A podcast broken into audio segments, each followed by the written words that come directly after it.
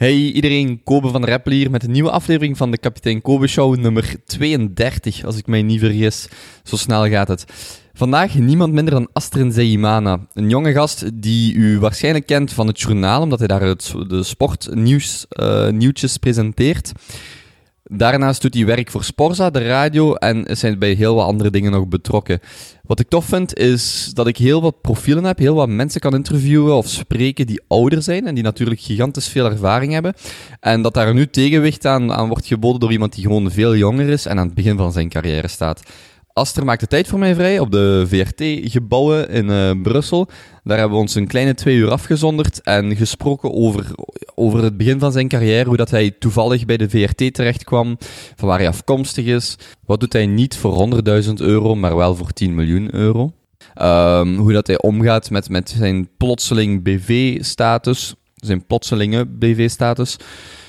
Waar dat hij naar de toekomst naartoe kijkt, uh, hoe dat hij zich voorbereidt, hoe dat zijn eerste journaaldag was of zijn allereerste dag voor het grote publiek, um, hoe dat hij de dingen beleeft en zo gigantisch veel meer. Ik vond het een super tof gesprek, omdat hij open en bloot kon vertellen over, over het begin van zijn carrière.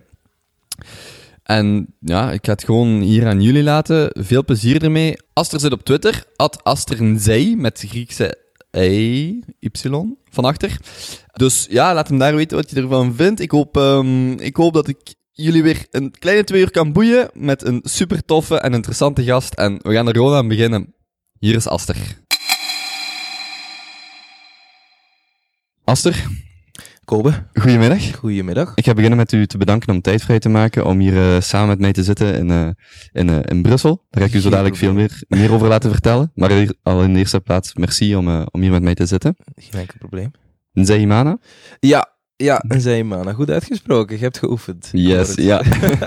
ik, ga, ik ga met een eerste vraag beginnen voor de mensen die u niet kennen. Wie is Aster Nzeimana en wat doet Aster?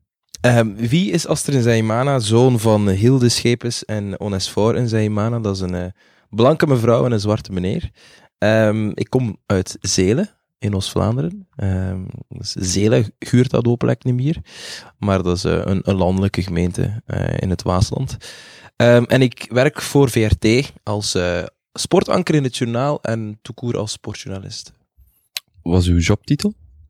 Mijn jobtitel? Ja, eigenlijk sportjournalist. Hè. Uh, en ik ben dan, we hebben heel veel verschillende sportjournalisten. En ik ben dan toevallig een van de sportjournalisten die met zijn kop op het uh, scherm komt uh, in het journaal. Dus um, sportjournalist is eigenlijk het beste slash presentator, ja, dus zeggen. Als je in het buitenland zit om iets te presenteren of onderzoek te doen, dan zegt je, ik ben sportjournalist. Ja. ja. ja. Kunt je iets vertellen over de plaats waar we hier vandaag zitten? We zitten um, op het eerste verdiep van het R-gebouw, het RNS-gebouw. En dat wil zeggen dat we eigenlijk drie verdiepingen onder de nieuwsdienst zitten en op hetzelfde verdiep als de nieuwsstudio. Ergens in een lokaal, het is hier wel vrij fancy, ik denk een redactielokaal van Alleen Elvis blijft bestaan. Dat is de naam van het lokaal? Ik dacht, uh, ik dacht, dat, ik dacht dat dat gewoon een prentje was. Ah, wel, nee, dat is... Um, hier was de redactie van Alleen Elvis blijft bestaan, denk ik. Ah, ja, dus hier okay. werd er gebrainstormd. Een programma gelijkaardig aan, aan jouw um, reeks, zou ik mm -hmm. zeggen. Het uitgebreid interview. Um, uh, en ja, we zitten hier gezellig op een groen zeteltje, dat is hier wel tof eigenlijk. Hè? We hebben de schoenen ook uitgetrokken. Absoluut. En ik de sokken? Iemand, ja, ja, ja. ja, dat, moet, dat moet vrijheid. Hè. Ik snap ook niet mensen die met, met, met kousen slapen of zo, dat snap ik echt niet. Ja. ja, gaat er bij mij niet in. Ik ga voor de mensen die, die, die nog nooit van Astra hebben gehoord, ga ik u tien heel snelle vragen stellen. Ja. Eén of twee. Um, voetbal of wielrennen? Voetbal. Het meest gespeelde lied op uw, op uw gsm of op uw iPhone? Handshake van Tudor Cinema Club. Justin Bieber of Michael Jackson? Justin Bieber. Justin Bieber of Fleetwood Mac? Justin Bieber. Radio of televisie? Televisie. Usain Bolt of Roger Federer? Bolt. Oeh, dat was een heel moeilijke. Gekleurd of effen? Gekleurd. Ronaldo of Messi? Ronaldo. Brussel of Antwerpen? Brussel. Oh, ja, ja, ja, Brussel. Oké, het komt er snel uit. Ja, okay. een, een, laatste vraag. Kobe Ilse of Danira Boekris? Nee, nee, nee, nee, nee. Nee, dat is een heel gemene vraag. Nee, nee, nee, nee, nee. Danira is mijn absolute schat. Kobe ken ik minder lang, maar Kobe is ook heel, heel leuk. Danira is natuurlijk wel mijn beste vriendin, maar ze zijn allebei echt de max. Dat is een heel lelijke vraag. Oké, okay, dat waren de tien snelle vragen. ah, oké. Okay. Dat was het interview dan. Uh, dankjewel. Kobe. Ehm, je zei net, ik ben, ik, ik ben afkomstig van Zelen, Oost-Vlaanderen. Kunt je iets vertellen voor de mensen die daar, zoals ik, nog nooit geweest zijn? In wat voor een omgeving zijt je opgegroeid? Ehm, ik zeg, het is een heel landelijke gemeente met, ik, eh, met heel, veel, ehm, heel veel velden. Ik denk 20.000 al inwoners, dus zo gewoon. Echt heel modaal. Eén middelbare school, drie lagere scholen. Een gezellig centrum, ehm, een vrij grote Turkse gemeenschap. Ehm, ik denk ook qua inkomen niet zo'n rijke gemeente. Dus het is geen Sint Maartenslatem of zo, dat ook wel tussen de velden ligt, maar dan moet het niet meer vergelijken.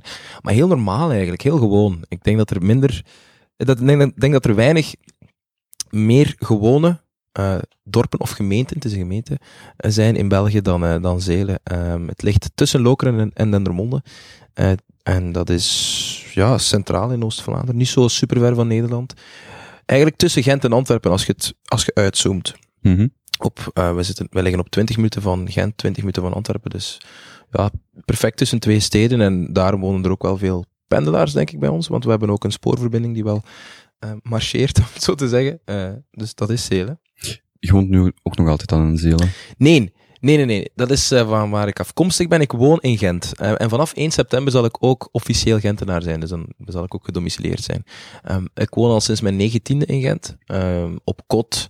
In het begin was het dan ja, vier of vijf dagen in de week of zo. Maar nu is dat bijna zeven op zeven. Ik breng nog veel bezoekjes eh, aan mijn ouderlijk huis. Aan mijn ouders dus thuis. En aan mijn meme en zo. En aan mijn zus. Die wonen allemaal in Zelen. Maar ik ben degene die in Gent woont. En ik heb absoluut de ambitie om daar nog lang te blijven wonen, want ik hou van, ik hou van Gent. ja. Mhm. Je zegt net uw, uw familie. Ehm, wat zijn zo waarden en normen die centraal zijn? Ik, ik, zie- ik zie u zelf als iemand die heel eh, open en vriendelijk is. eh, warm.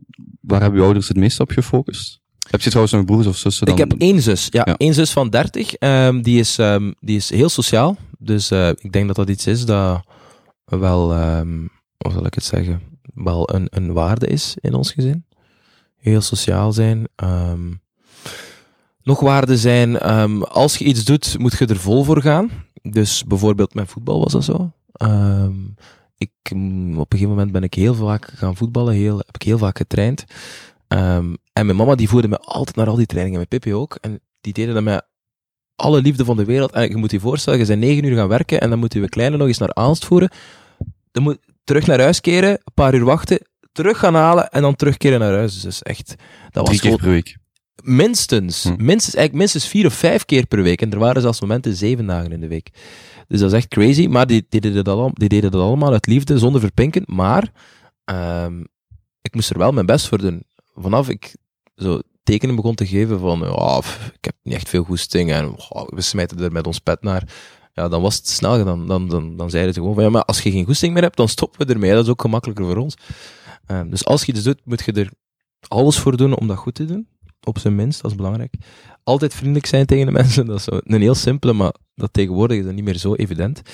Ehm, en ja, dat is er ook ingestampt, zo met twee woorden spreken. En, en ehm, als je bijvoorbeeld om, om drinken gaat, altijd vragen of een ander ook iets moet hebben. Zo, en delen, iets waar ik niet super goed in ben, vergeleken met mijn zus.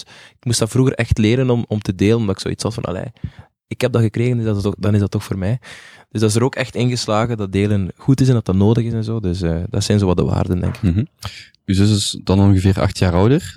Is dat lange Ja. termijn planning van uw ouders of een accidentje dan? Of een, Hmm. na, een nakomertje, sorry. Nee, nee mijn, eh, mijn zus heeft een, eh, een andere papa Mhm. dan ik. Dus dat was nog van een vorige relatie. En dan ehm, zijn mijn, mijn mama en mijn zus naar Afrika verhuisd. En eh, daar heeft mijn mama mijn papa leren kennen. En onze papa dus, want ondertussen Ja. heeft mijn, mijn papa, mijn biologische papa ook haar al geadopteerd, allee, als dochter eh, voor de wet aanschouwd. En laten optekenen. Ehm, dus ik weet niet meer wat de vraag is. Eh, wat was de vraag meer, Koop?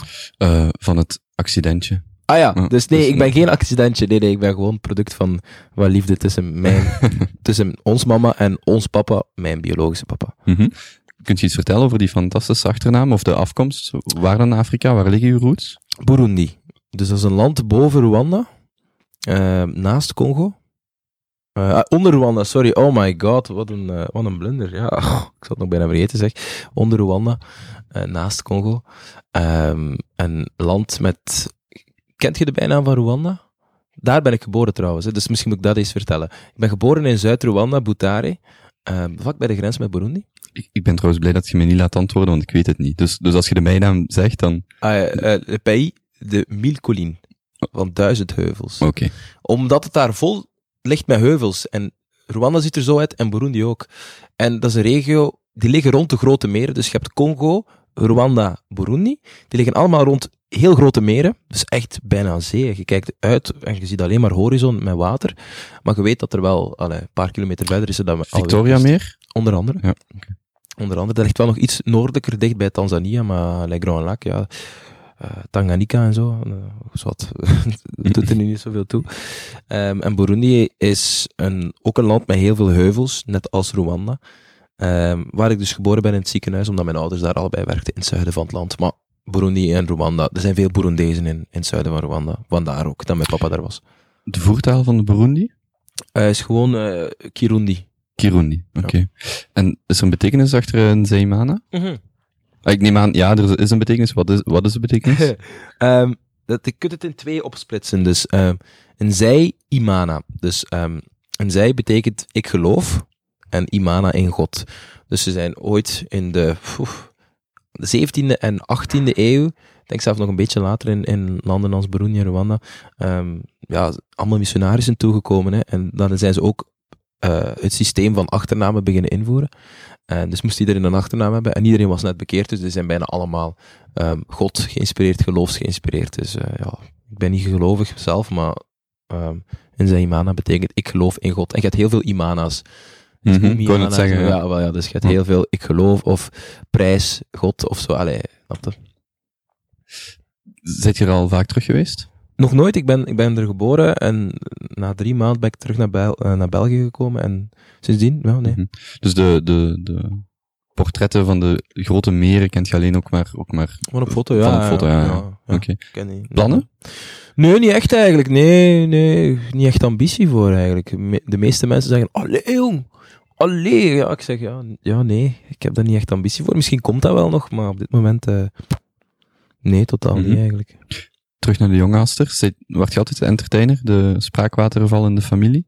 Of in de omgeving? In de familie, uh, ja, ja, eigenlijk wel in de familie ook. In het gezin niet. Het gezin was ik altijd heel stil, want als ik thuis ben, ik heb echt zo mijn, mijn hoekje en mijn plekje nodig om volledig op te laden. Dus meestal als ik bij mijn ouders ben, en bij mijn zus ook, dan ben ik heel rustig en niet zo de grote, de zot of zo. Soms wel, hè, natuurlijk.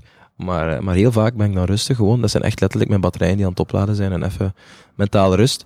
Omdat ik wel iemand ben die vanaf dat hij in, aan publiek komt en bij andere mensen komt, ja, ben ik gewoon mezelf ook. En dan uh, ben ik wel uh, ja, een entertainer. Dat is zo moeilijk om te zeggen. Maar in de klas was ik bijvoorbeeld degene die altijd goede punten aster, maar hij praat veel te veel. Of zo onder je voeten krijgen, omdat je ja, te veel... Ik, ik zorgde er altijd voor dat mijn vrienden moesten lachen, mm -hmm. zodat zij straf kregen. Okay. dat was eigenlijk... Klinkt bekend, maar ik kreeg meestal straf. Ah, oei. Ja, oké. Okay. Ja, wat een, een gewillig slachtoffer. Misschien of het ideale slachtoffer. Ik vond plezier maken gewoon te leuk om, om mm. dan te wachten totdat die anderen iets zouden doen. Ah, oké. Okay. Ja, voilà. Zijn u... Nee, ik ga eerst vragen, wat wou je dan als kind worden? Um, als kind? Ik wou altijd al um, voetbalcommentator worden, dat wou ik al van, van jonge leeftijd, maar ja, zo profvoetballer worden, dat stond nog net iets hoger eigenlijk uh, aangeschreven. Ik denk dat dat wel logisch is, hè, als je zo graag voetbalt. Um, maar ah, nu zou, moest ik nu de keuze zouden hebben uh, tussen profvoetbal, als ik echt morgen een profcontract als voetballer kon tekenen of gewoon dit blijven doen, dan zou ik wel voor dit kiezen. Omdat ik ook weet dat het leven van een profvoetballer heel vaak heel saai is. Mhm. Mm -hmm. en ook niet zo rooskleurig, want als je niet speelt, dan voel je echt niet goed in je vel. Dus ik heb dat al heel veel meegemaakt, uh, de voetbalwereld. Um, van echt van middenin. En die voelt anders aan dan van buitenaf. Dus uh, allee, ik zit, we zitten er ook in als journalist natuurlijk, maar het is toch anders. Hè. Als je, ja, je, je kunt niet op de bank zitten bijvoorbeeld, of je kunt niet een trainer hebben die je niet moet hebben en daardoor je leven bijna verpest of je carrière ja, verpest. Dus, dus op zich heb je nu al kunnen doen, of ja. is het resultaat wel iets van waar je als kind al van ja, droomde of mee bezig twijfel, werd? Zonder ja. twijfel. Ja, voetbal, ik was sowieso iets met voetbal doen, hè. ik ben er helemaal gek van. Uh, en ik, het is ook niet iets kleinschalig, hè. het is gemerkt dat het heel veel mensen beroert en dat vind ik dan ook wel belangrijk. In, in mijn job dat ik sowieso iets doe um, dat wel wat mensen raakt. En dat is zo met voetbal. Enorm zelfs met voetbal. Mm -hmm. Je ouders die je zo vaak gebracht hebben, zijn die dan nu ook fier dat je dit in het verlengde van die voetbal uh, actief bent? Ja, ja, toch wel. Ja, ja. Het, het maakt hen echt niks uit uh, of ik iets met voetbal deed of zo. Hè. Ze wilden gewoon dat ik een goede job had en dat ik op mijn pootjes terecht kwam en dat ik vooral, um, zal ik het zeggen, het vooruitzicht van de rest van mijn leven, dat dat zodanig was dat ik een job zou hebben en dat alles in orde was. Dus ze wilden liefst dat ik een, een goed diploma had en eens dat je dat diploma hebt, dat is nog een beetje archaïs dat ze denken, maar goed, eens dat je dan je diploma hebt, kunnen uitkijken naar welke job wil ik doen. We weten dat dat tegenwoordig niet meer de way to go is, want als je wacht tot, tot op je 4, 25ste voor een job, ja, dan zijn je hopeloos te laat al bijna. Dan moeten echt de eerste jaren van je leven beginnen werken aan je carrière. En het is veel beter om dat te laten overlappen, als je dat kunt en als je daar de motivatie voor hebt natuurlijk. Maar zij zagen het zo, en, maar nu zijn ze wel nog altijd... Ah, nu zijn ze fier natuurlijk, want het is al veel vroeger dan verwacht dat ik toch vooruitzicht heb op, eh, op een leven als sportjournalist. En, en ja, er is nooit 100% zekerheid. Dat is er bij geen enkele job, maar de zekerheid is wel voldoende om te zeggen van oké, het is goed, allez, we zijn, uh, we zijn toch een beetje trots op je. mm Meer zelfs, van een gewone job word je ineens een BV, want je komt per definitie ja. met je kop op het scherm. Dus, uh... Ja, het is wel extreem. Het is wel, uh, ik, had, ik, had het, uh, ik heb het gemerkt tijdens de Gentse feesten um, in de voorbije zomer. Het was echt, goh, ik had het, ja, je merkte de impact niet van, hè, want als we nu letterlijk in die journaalstudio kruipen, je komt even op tv, maar je bent naast u met het journaalanker, met de studiomeesteres en dan met mensen van de regie achter de schermen, maar met hoogstens tien man. En dan ga je gewoon eten boven en niemand zegt daar iets van natuurlijk, want uw collega's zijn dat allemaal gewoon. Dus het, het voelt alsof dat je eigenlijk gewoon even ja, iets kleinschaligs doet, maar dan opende Twitter of dan gaat de en publiek, dat was vooral extreem, dan, dan merkte wel van holy crap, er zijn wel heel veel mensen die ja, mijn, mijn gezicht plotseling kennen. En dat is wel even aanpassen. Ja. Mm Wie helpt u daarbij? Wie begeleidt u? Uh... Vrienden, vrienden, vrienden. Um, er zijn heel veel mensen op de VRT aan wie dat je het kunt vragen. Uh, maar het is wel zo in de mediawereld dat je het moet vragen. Dus er gaat niemand um, spontaan naar u komen om te zeggen van ik ga je helpen. Ik weet ook niet of dat, dat noodzakelijkerwijs beter zou zijn. Dus uh, je pikt er gewoon de mensen uit wie dat je vertrouwt. En ik heb bijvoorbeeld, ik heb ze er net opgenoemd, hè, goede vrienden Danira en Kobe, die, die ja, daar middenin zitten, die nog veel bekender zijn dan ik. En die, ja, die ook weten hoe het is om daarmee om te gaan. Hè. Kobe zelf nogal, nog een stukje langer dan Danira. Danira is er ook vrij nieuw in, maar die is natuurlijk wat ouder dan mij, dus die heeft ook al meer ervaring. Maar Kobe is bijvoorbeeld iemand die er al tien jaar in zit. En die kunnen we echt alles vragen. En ja, die, je weet dat die, dat die u goede tips gaan geven. En dat die mhm. niet proberen op een of andere manier slecht of zo, slechte raad te geven. Ik weet het niet, hè. je hebt altijd uh, slechte mensen in de wereld. Je doet uh, heel wat vrouwen en mannenharten sneller slaan. zijn niet alleen mijn woorden. Um, hoe, hoe word je het liefste benaderd? Hoe word ik liefst benaderd? Ja, ik bedoel, um, um, in de zin, nee, nee, in de zin, op welke manier vind je het acceptabel dat iemand zomaar op je afstapt? Wat werkt wel, wat werkt niet? Ah, gewoon ervan uitgaan dat ik normaal ben. Dat is, uh, dat is het leukste. Ik vind echt... Kijk, bijvoorbeeld, ik zal het voorbeeld nemen van hè, de, de Gentse feesten. Hè. Dat is, in principe is dat wel een beetje tijdloos, want er zullen wel nog zo'n uh, evenementen aankomen. Bijvoorbeeld, je loopt daar rond en er komen gewoon een meisje komt gewoon naar u en die vraagt, die tikt op je schouder, ben je Aster van het journaal? En dan ja, en zou ik een foto met je mogen? Ja, natuurlijk. En dat is voor mij de beste manier. Of mensen die zeggen van, yo, Alster, hey, goed werk, of goed bezig. Vind ik top. Maar je hebt dan ook zo, vooral zatte mensen vooral, maar dat is natuurlijk uitzonderlijk, hè, want ja, zat zijn, ze zouden waarschijnlijk anders handelen mochten ze nuchter zijn. Maar um, mensen die u vastklampen of zo, die, die ja, denken dat ze, omdat zij u herkennen dat je ja, van hen bent, dat je mhm. gemeen goed bent of zo. Dus die, die pakken u vast voor een foto of zo, want dude, laat mij eens met rust, ik ken u niet uh, introduceer je eerst. Allee, je zou dat ook niet bij, bij uw buur doen. Of bij, bij, in de lokale supermarkt zou dat ook niet doen. Um, dus ik weet niet wat dat is in mensen hun hoofd, maar soms denken ze van, hé, hey, ik ken die. En dus denken ze meteen van, die kent mij ook. Maar ja, nee, dat is niet waar, ik ken u niet. Dus doe toch een beetje normaal. Doe dat alsof dat ik, allee, je weet dat ik u niet ken, dus. Gaat daar dan ook vanuit dat de eerste reactie als iemand onbekend u aanspreekt altijd is van, oh, wie zeg jij? Dat is altijd in je hoofd van, ah, wie is dat? Die ken ik niet. Dus dat is bij mij ook. Dus introduceer je even of doe gewoon normaal en stel gewoon een normale vraag. Want ik ben van inborst een heel vriendelijke jongen, dus ik ga ook altijd vriendelijk reageren. Tenzij dat je mij lastig valt natuurlijk, dan zeg ik van, allee, kom, laat mij even met rust. Mm -hmm. Over naar een, naar een dag. een gemiddelde dag in het leven van, uh, van Aster. Heb je een vast ochtendroutine? Nee, nee.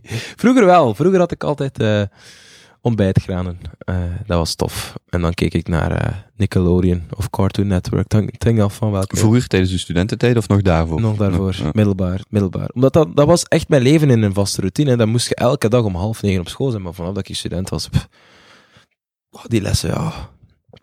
ging ik bijna nooit naartoe. Dus ik, ik, ik sliep uit. Allee, ik sliep soms tot tien, soms tot elf, soms een keer tot één, soms tot acht uur, afhankelijk van wat ik te doen had. Of van hoe moe ik was vooral.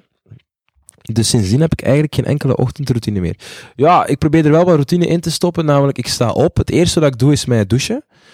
Um, en in de douche um, scheer ik mij. ik heb bijna niks van haar dat ik moet scheren, daarmee dat ik dat in de douche kan doen. Kobe, ik zie je baard, dus ik denk niet dat jij dat zou, zou kunnen ik, doen. Ik was ook aan andere dingen aan het denken, maar... Uh, ja, nee, nee, nee, nee. nee, nee, nee. Het is op mijn, mijn gezichtsbeharing. Uh, en dan scheer ik mij gewoon. Um, uh, en wat doe ik daarna dan? ah ja, ik, ik was me natuurlijk met zeep. Altijd eerst zeep, dan me even snel scheren, maar ik heb echt niks van. Hè. Je ziet dat ook. Hè. Ik, heb, ik, ik moet daar ook niks maar dat is, dat is een gemak, hè? Ja, dat is gemakkelijk, tuurlijk. Want ik kan gewoon echt letterlijk in de douche met dat water, dat stroomt, gewoon dat er snel even afdoen. Want ik wil wel dat het eraf is. Zo, drie plukjes is belachelijk.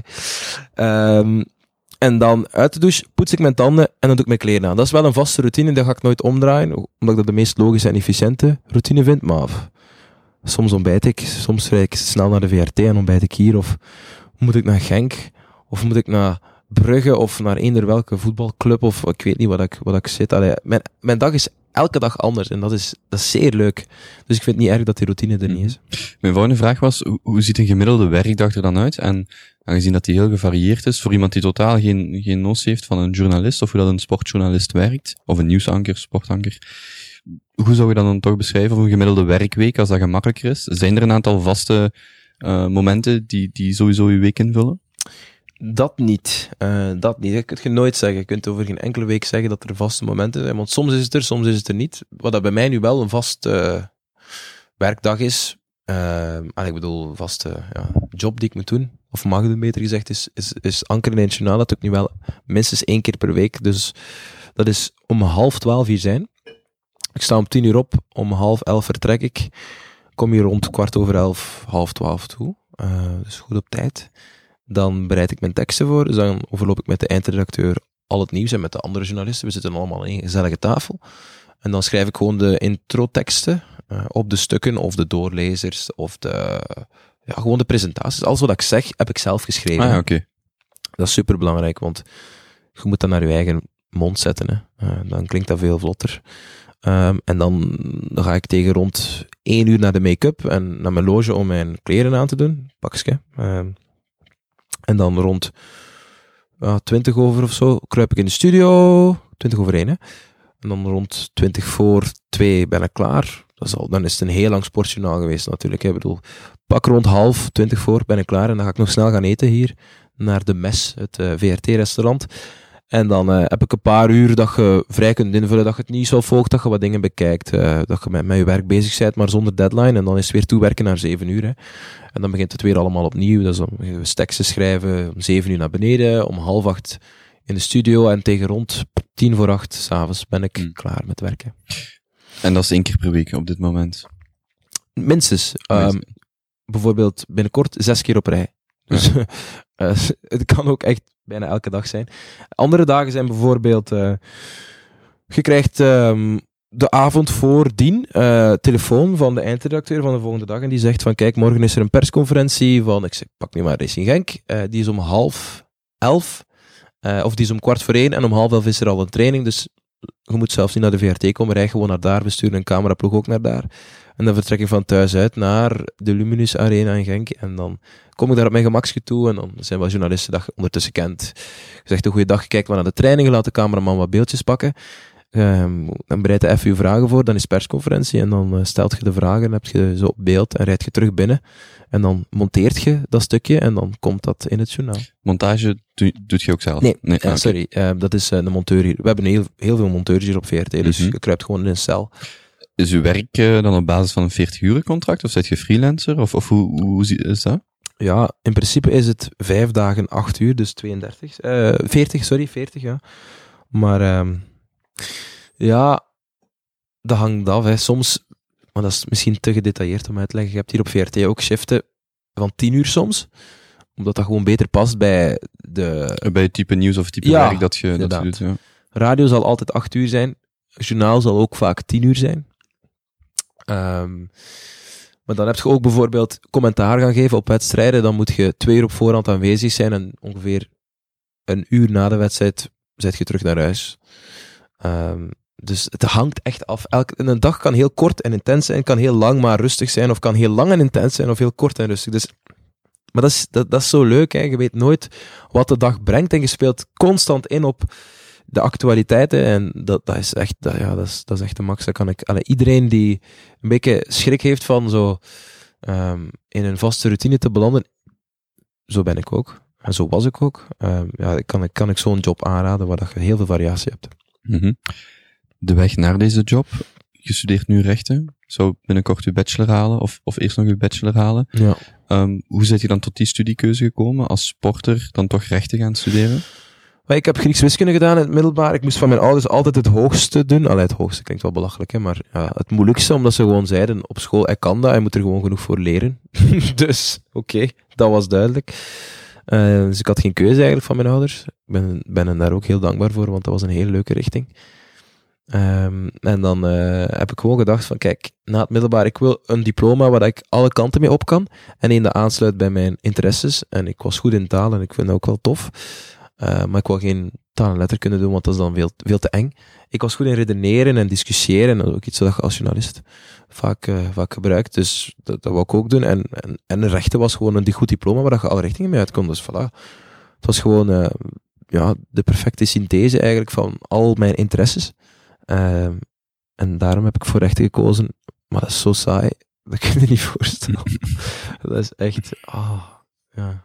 Hoe, hoe heb je dan, want, want we zitten nu vandaag hier bij de VRT, hoe heb je dan het maximale uit je studie gehaald? Hoe zit je dan van dat saaie van rechten weggegaan om, om andere interesses te ontdekken tijdens je studententijd? Wel, het was eigenlijk door een assistent eh, aan de universiteit dat ik ehm, eh, bij de studentenradio begonnen ben. Want die had mij gehoord tijdens een pleidooi. En ja, ik sprak dan zo algemeen Nederlands. En die vond dat wel goed klinken. En ik kon ook wel goed voor een groep, groep spreken, iets dat ik nog altijd goed kan.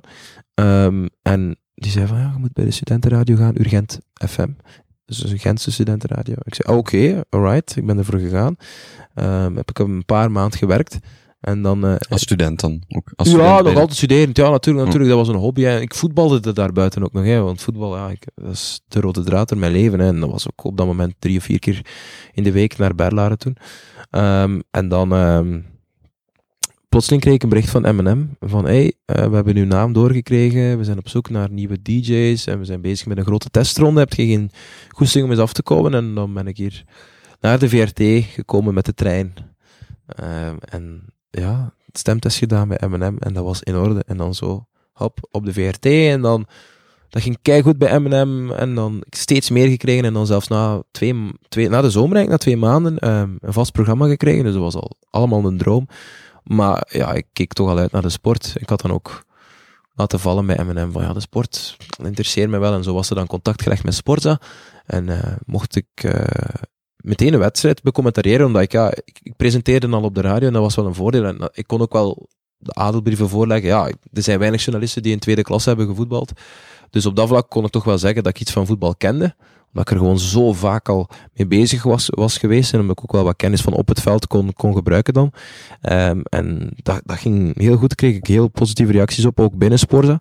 Eh, en dan eh, ben ik daar zo steeds meer aan de slag gegaan en een contract getekend. En zo zitten we nu waar we nu zitten. Wat was dan uw aha-moment? Of het moment dat je zei van, oké, dit, dit is mijn carrière, dit is waar ik rechten achter mij laat, of voorlopig op een lager pitje zet en helemaal voor de carrière als sportjournalist ga? Wel, dat was eigenlijk een, dat was een beetje een latent gevoel. Dat was zo. ehm, ik, ik, ik had dat gevoel al even, maar ik durfde het nog niet volledig, omdat ik bijvoorbeeld bij M&M met een, eh, een interim contract werkte. Hm? Hm. Excuseer, ik heb een droge keel.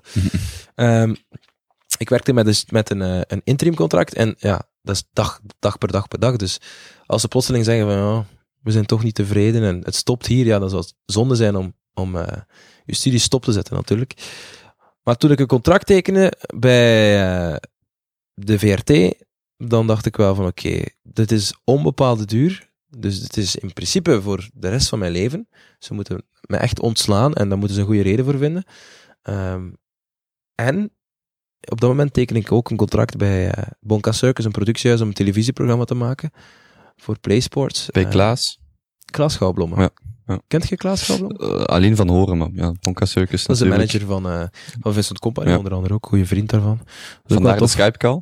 Vandaar de Skype, call, moeten we toegeven. Ja, ja, ja. Oké, oké, Niemand kon hem krijgen, zelfs hier op Sport. En hier op Sport, ja, natuurlijk mijn collega's die vroegen, allee, kunnen wij die klank niet krijgen? Ik zeg, ik heb alles gevraagd, maar sorry, ik kan die echt niet naar hier. Allee, hij wil het niet. eh, hij wil één interview doen en aan zijn eigen productiehuis, ja, oké, ja. Ja, want eh, voor de mensen die, die niet weten waar het over gaat, een, Skype-interview s'avonds of s'nachts met Vincent dan gedaan. Ik, Ja. denk, ik denk vlak voor of vlak na het EK. na, vlak, eh, vlak voor het EK, vlak na het, zijn uitvallen. Dus Ja. dat was het nieuws nog altijd. Ja, en dat, dat was een interview, ik denk het uiteindelijk was het anderhalf minuut, of heb ik dan een deel gemist? Of, Oh nee, nee, Ah, nee. was een interview van eh 25 minuten.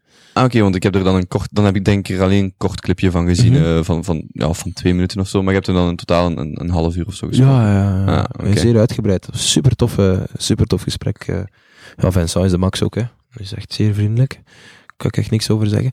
Maar dus op het moment dat ik in juni 2015, eigenlijk eind mei 2015, ehm, mijn contract tekende en bij Sporza en bij Bonka Circus, en op dat moment dat ik meer dan voltijds een job, dacht ik echt van, ja, oké, dit, dit gaat niet, hè. Hier kan ik niet, ik kan niet nog eens voltijds studeren ook, dat gaat Mhm. niet, ik heb er gewoon geen tijd voor.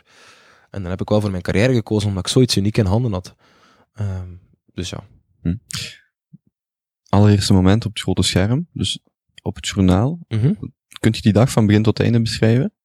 Ja, natuurlijk. Eh, ik, ik stond op in Gent. Waarschijnlijk een vraag die je al, al vaker gekregen hebt, of nog vaak zult gaan krijgen, maar... eh, Ah, nee, nee, ik heb het nog nooit gekregen eigenlijk. ah, oké. Nee, Oké, voilà. een, eh, een vraag die ik nog nooit heb gekregen. Nee, echt niet, echt niet komen. Ehm termee dat ik ook zo zeg, ah ja, ehm, ja, dit is heel standaard, hè, dus zoals misschien ik net heb misschien nog erbij vragen, je, wist 's morgens dat je het s'avonds zou gaan doen? Ja, Ja, oké. ja, ja, ja, absoluut, absoluut. Ehm, dus gewoon smiddags en s'avonds. Wij zijn als sportanker altijd in 1 en 7, altijd. Ah ja, oké. Altijd.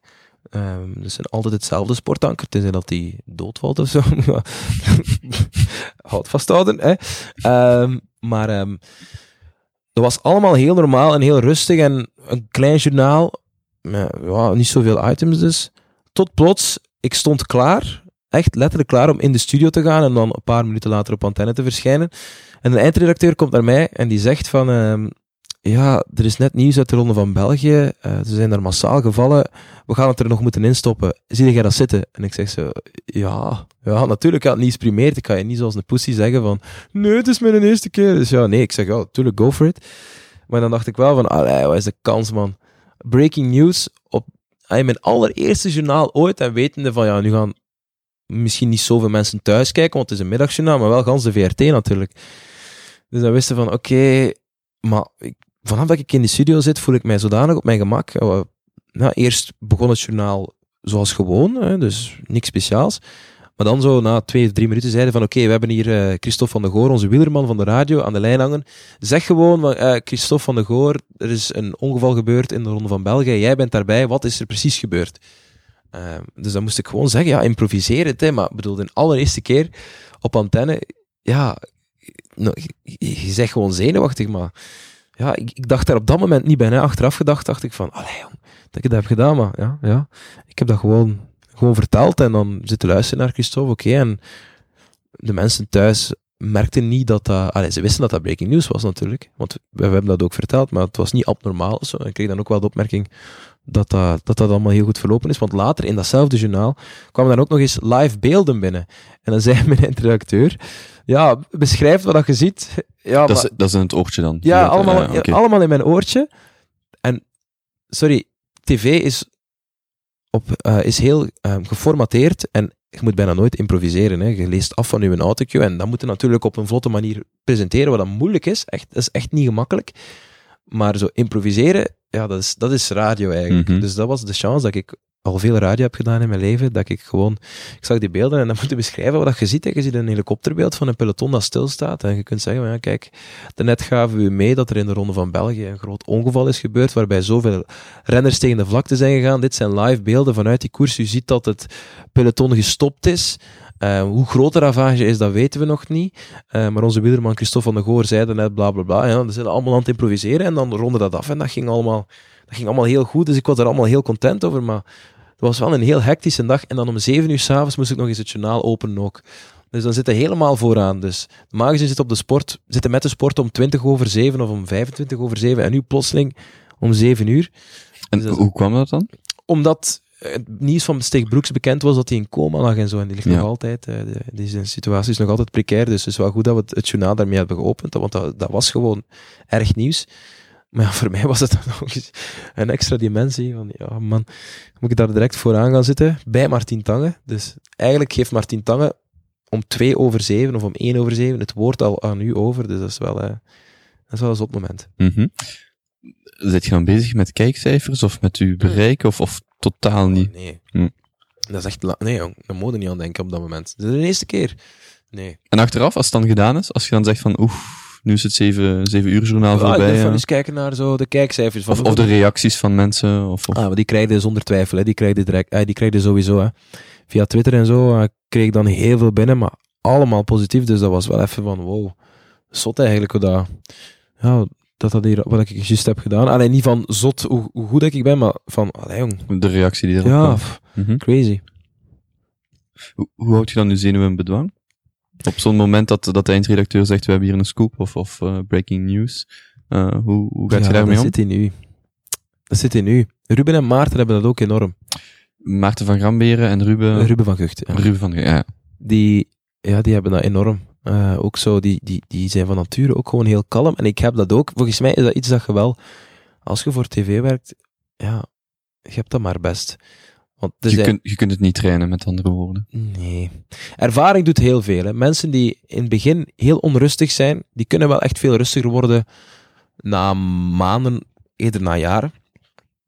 Maar ik denk dat het best is, zeker als gast jonge gasten wordt ingesmeten, wat dat nu op de VRT, ik zou niet zeggen steeds vaker gebeurt, maar er zijn toch steeds meer jonge mensen op televisie, overal, wat dat normaal is.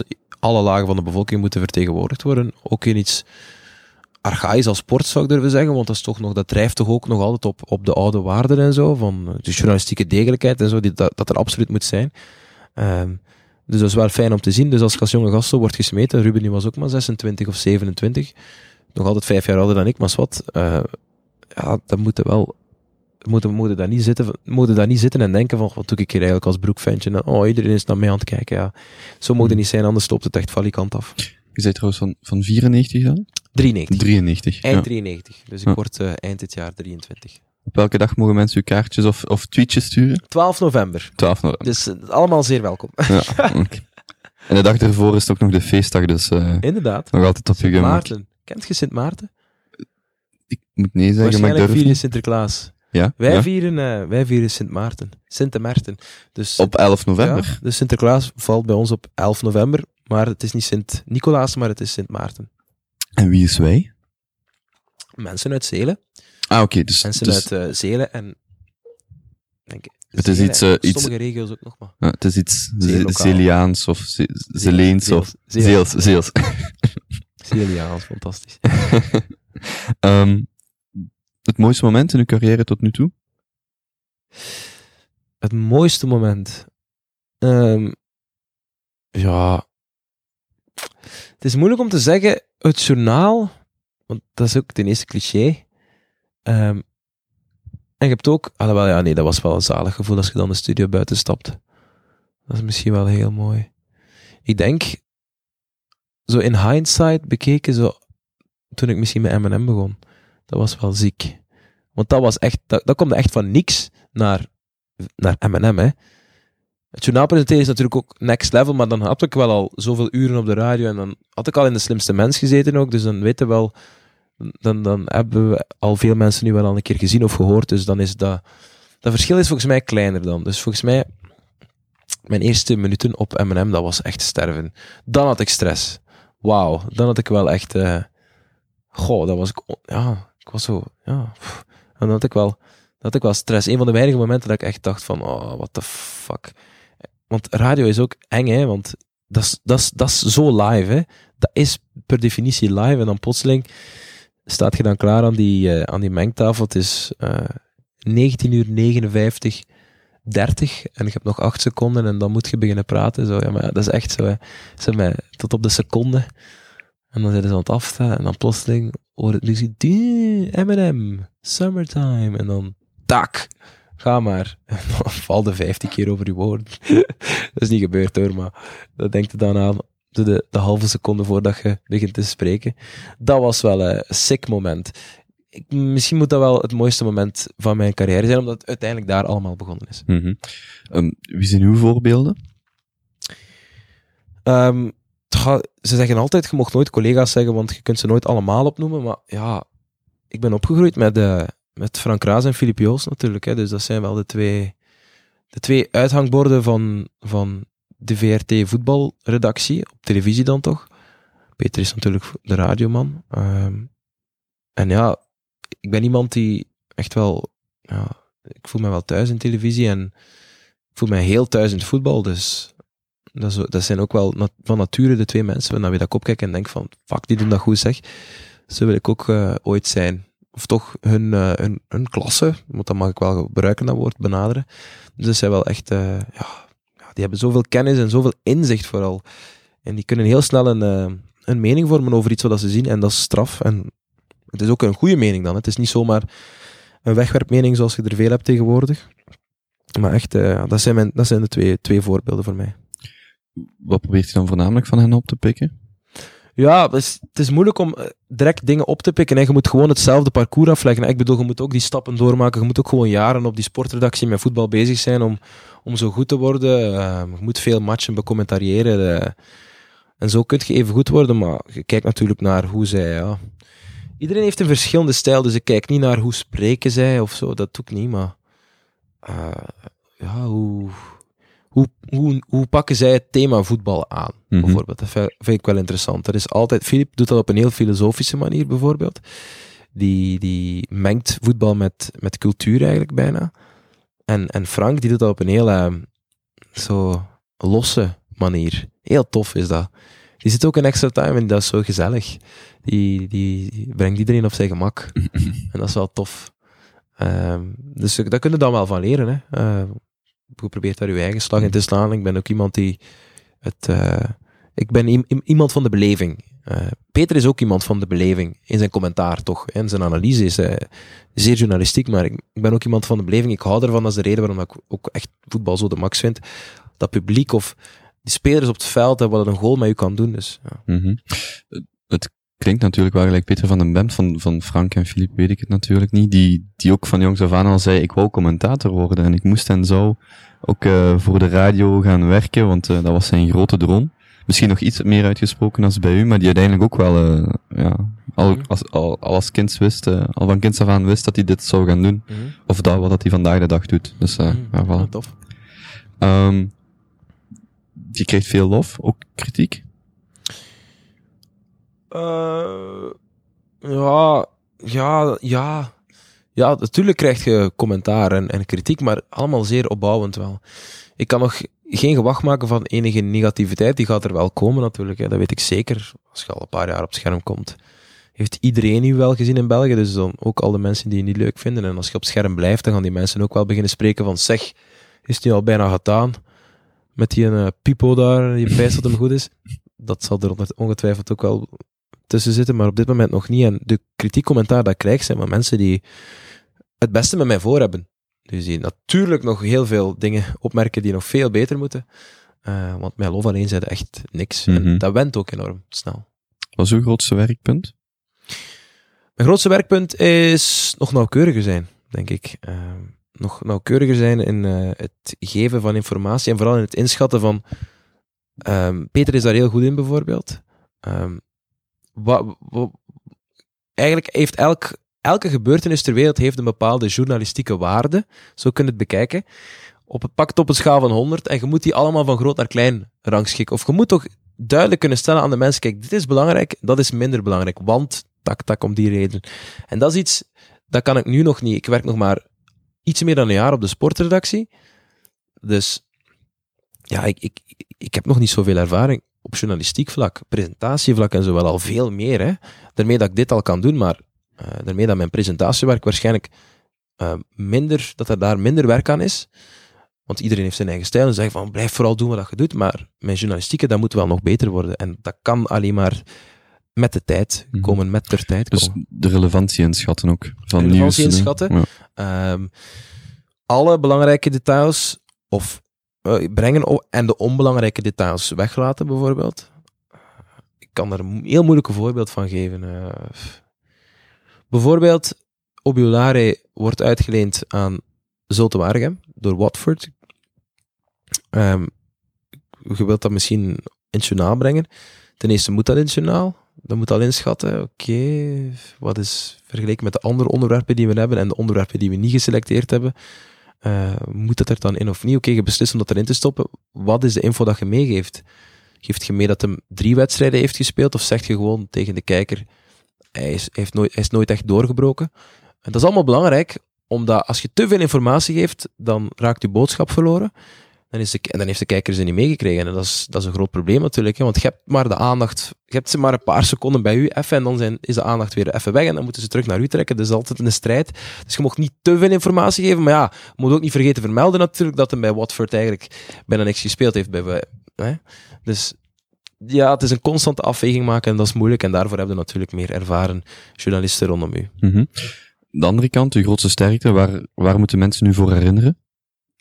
Ik denk voor mijn. eh, als je dat zo hoort, is het moeilijk om te zeggen. hè, Altijd. Hè, dat is dan het cliché antwoord. En moeilijk om dat over jezelf te zeggen. Maar, en dan komt het. eh, ik denk mijn, mijn, mijn naturel. eh, ja, ik, moet daar niet over nadenken of zo, over presenteren. Ik doe ook gewoon maar wat ik denk dat goed is. En dat blijkt goed te zijn. Dus dat is dan een naturel, denk ik. Ehm, en mijn taal ook. Daar krijg ik ook veel opmerkingen over. Nu let ik er niet echt op. Maar als je op antenne komt, is natuurlijk iets helemaal anders. Ehm, mijn stem is geen verdienste natuurlijk, hè, maar ik heb een stem die op de radio kan komen, dus daar ben ik al heel blij mee. Ehm, maar vooral, ja, ik denk vooral mijn naturel en hoe dat ik, hoe dat ik dingen breng. Denk ik, ja. Wat onderschatten mensen aan uw job? Hoeveel tijd dat je erin stopt. Dus ook naast de job dan, neem ik ja, aan. het zal wel zijn. Eh, ja, dat is eh, echt eh, een gigantisch druk leven. En druk klinkt tegenwoordig heel erg sexy, hè? Iedereen Ah, dat- ik heb het druk. Ja, ja, inderdaad. Als je vraagt aan iemand van, hey, hoe is het? Oh, druk, druk, druk. En die zegt dan met zo van, oh, maar eigenlijk is hij blij dat het druk is. Ik ben ook iemand die blij, dat ik, die blij is dat ik, dat ik van alles te doen heb, maar zit er echt enorm veel tijd in. Het stopt niet, hè. Eh, dat is ook zoiets bijvoorbeeld, hè. Ik geef op zaterdagavond pakt commentaar bij een wedstrijd, dus ik kom om zes uur toe in, eh Waar, waar dan? Op Sporza dan? op sport. Ja, oké. Dus, eh, voor de radio dan, hè. Dus eh, van de Peter, is, die zal misschien nog iets vroeger arriveren, omdat hij nog technische hulp heeft en zo, technische assistentie om zijn apparatuur te installeren. Wij doen dat zelf, de kleinere garnalen. Ehm dus ik kom om zes uur aan, op Genk bijvoorbeeld. Twee uur later is de wedstrijd. En om elf uur zijn we terug naar huis. Dus mensen denken dan hè, van, oh, my, dat is een werkdag, vijf uur en je wordt daar een volledige dag voor betaald. Ja, maar al die voorbereiding, al het lezen van al die kranten, alle websites, daar zit er meer dan een dag mee bezig hoor. Eh, het constant opvolgen van nieuws, bijvoorbeeld. Maar dat is, dat is natuurlijk een passie, hè. We doen dat met heel veel plezier. Maar ja, je, je, steekt, je steekt die tijd er wel in en je stopt die tijd niet in eh, gaan drinken met je vrienden of zo. Hè. En ook heel veel mentale tijd. Hè? Het is niet gewoon een, een fabriek die je binnenwandelt en buiten stapt, maar van s'morgens, als iemand zegt, eh, de eindredacteur, hebt je gehoord wat er gebeurd is en je moet drie keer nee zeggen, ja, dan zal hij de vierde keer zich ook afvragen van waarom niet, maar er is Ja, dus bij wijze van spreken geen, geen uitknop voor, Nee, inderdaad. voor op de hoogte te blijven. Daarom moet het een passie zijn, omdat het, het, het moet bijna een reflex zijn om dat nieuws te checken. Ik kan me niet voorstellen dat er... Allee, Goh, ik kan me niet voorstellen dat er mensen zijn die de actualiteit... Dat er een journalist is die de actualiteit niet volgt of die, dat, die daar niet door gebeten is. Want dan... Ik snap echt niet dat je deze job dan kunt doen, Mhm. überhaupt. Want het, dat is een van de belangrijkste vereisten. Dus als je mij nu vraagt naar, naar de, de Jupiler Pro League, ja, ik weet daar veel over. Niet omdat ik dat heb gestudeerd, maar omdat ik gewoon elke dag dat volg. En moest ik u het antwoord op de vraag... Stomme Als, vraag. als ik u vraag waar dat Graziano Pelle nu in China speelt, bij welke club? Weet je dat dan zo van buiten? Dat is, dat, is, dat is heel specifiek. Want, dat- want dat zou heel scary zijn natuurlijk, ja. Dat is, dat, maar dat is dan weer dat is dan wel heel extreem. En elke commentator gaat u bijvoorbeeld zeggen: ehm, dat je u voor een, voor een commentaarwedstrijd, eh, een commentaarbeurt of eh, een commentaaropdracht ehm, moet voorbereiden. Natuurlijk, ik, ik bereid mij uren voor om precies te weten wat Dalsgaard van Zotewaregem deze week op training allemaal heeft uitgestoken. Dat moet je echt voor voorbereiden. Dat is geen parate kennis. Maar er zijn heel veel dingen, zoals bijvoorbeeld een transfer of zo, of weten dat hij weg is, of naar daar is. Bijvoorbeeld een Pelle is van Southampton naar China gegaan voor zoveel. Heel veel geld. En ondertussen heeft de coach van Italië al uh, heeft hem al gezegd van ja, Pelle in China, ik weet niet zeker dat hij nog de squadra haalt. Allee, dat soort dingen, dat is, dat is bijna parate kennis, omdat dat ook gewoon in de kranten staat. Maar als je echt gaat bellen met mensen of, of je zoekt echt specifieke dingen op, ja, dat, dat, dat heet dan voorbereiding. Je kunt niet mhm. alles weten natuurlijk. Nee, natuurlijk. Hoe, um, ben aan het denken over Peter van den Bemt, die zei van ja, ik lees digitaal heel veel verschillende kranten, zeker op, voor, als voorbereiding. Uh, zowel binnenlands als buitenlands. Is dat voor u hetzelfde? Uh, was uw voornaamste bron van, uh, van ik wou inkomsten zeggen, maar ingevingen van nieuws? Van nieuws, het internet. Um, en er zijn heel veel oudere mensen die dan zeggen, ja, maar op het internet staan er ook veel leugens. Ja, ik weet het, maar wij werken ook wel al tien jaar met internet. Wij zijn een generatie... En in de krant niet zeker. Ja, inderdaad. voilà, voilà, goed gezegd. Uh, en wij zijn ook de generatie die opgegroeid is met internet. Dus, allee. Op Twitter dan? Uh, of, of, of echt gewoon de, de, de nieuwswebsites? Ja, Twitter volgt geweldig, omdat er op Twitter staat er geen nieuws, maar staan er wel links naar nieuws. Dus mm. het is wel handig om dat allemaal gebundeld te zien. Ja, en ook vooral, ik denk dat we wel vrij kritisch zijn hoor, uh, onze generatie, omdat we al tien jaar met die bullshit uh, te maken krijgen. Ja, ik denk wel dat we door het meeste lezen, en zeker wat betreft sportnieuws, wat je direct kunt controleren eigenlijk, hè. Uh, wat dat bullshit is of wat niet. Zo transfer rumors, ja, dat lees ik allemaal niet hoor. Ik weet dat het allemaal, excuseer, uitgevonden is. Ehm, maar um, wat zijn ja, sportvoetbalmagazine vind ik wel leuk om spelers beter te leren kennen. Dus om zo, uh, ja, die hebben altijd diepgaande interviews. Dat is wel leuk. Op de radio bij ons doen we dat ook heel vaak. Zo is speler bellen of zo. Een, een sportfiguur buiten het voetbal dan. Uh, ook wel eens bellen. Wie, wie is de meest interessante sporter in België? Volgens u? Of één van de meest? Ik zal het wat gemakkelijker maken. Wie dat ik dan het liefst zou interviewen of zo. Ja? Of wie dat ik het meest fascinerend vind. Eden Hazard. Vind ik echt uh, intrigerende. Omdat hij zo onveranderd is ten opzichte van tien jaar geleden. Mm -hmm. Toen die, hoe oud was dan? 25? Is van 91, is twee jaar ouder, dus 25. En toen was hij 15 en speelde die, was hij een, ik heb die interviews ingegeven, krak hetzelfde als nu. Vind ik heel straf. Die zou ik echt wel eens willen neerzetten en zeggen van, kijk, dat interview, dit interview, wordt niet uitgezonden, dus maak je geen zorgen. Niemand gaat het ooit horen. Dus eigenlijk gewoon een babbel. Um, dat is echt wel eens... Uh, Hoe goed is uw Frans?